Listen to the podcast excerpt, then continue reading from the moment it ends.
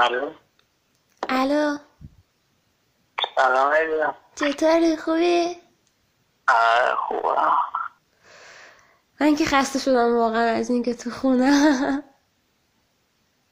نه من خوبه من میومدم خونه خودم همینجا می نشستم جایی نمیرفتم کرونا تاثیر زیادی رو برنامه های من نداشت نه حس میکنم کرونا رو تو آوردی نه رأي تجيب اسمه بقى چون کرونا تاثیر خاصی رو برنامه ویدیو نوشته من برنامه درستی نوشته ایوا کتاب چی میخونی؟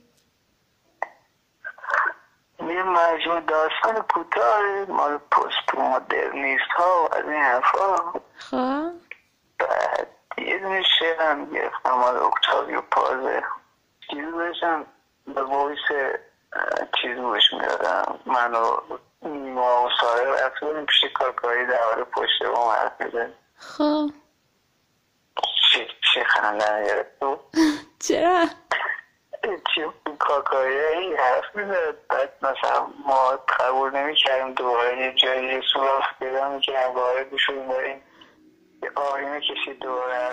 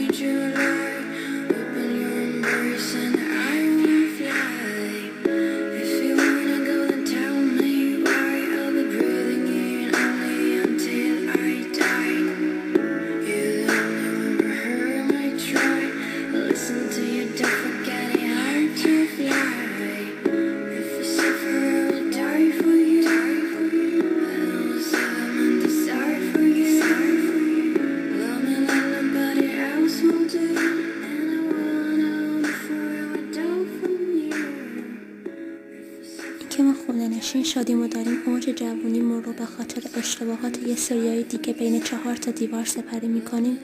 باعث میشه از خیلی علایقمون دور بشیم.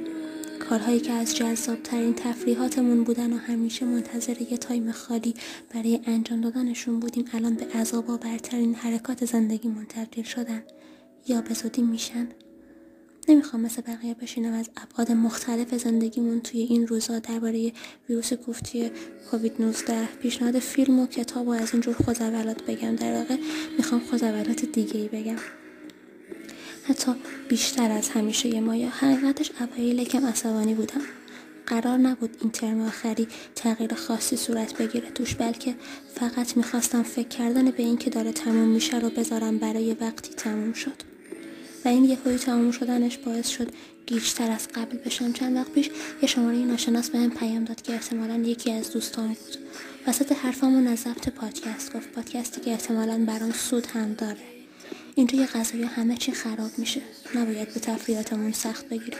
سوشال تیبل، مایا، امثال اینا توی زندگی من تفریحاتی بودن که توش نه دنبال هدف عینی خاصی بودن و نه روند منظمی رو براشون میخواستم.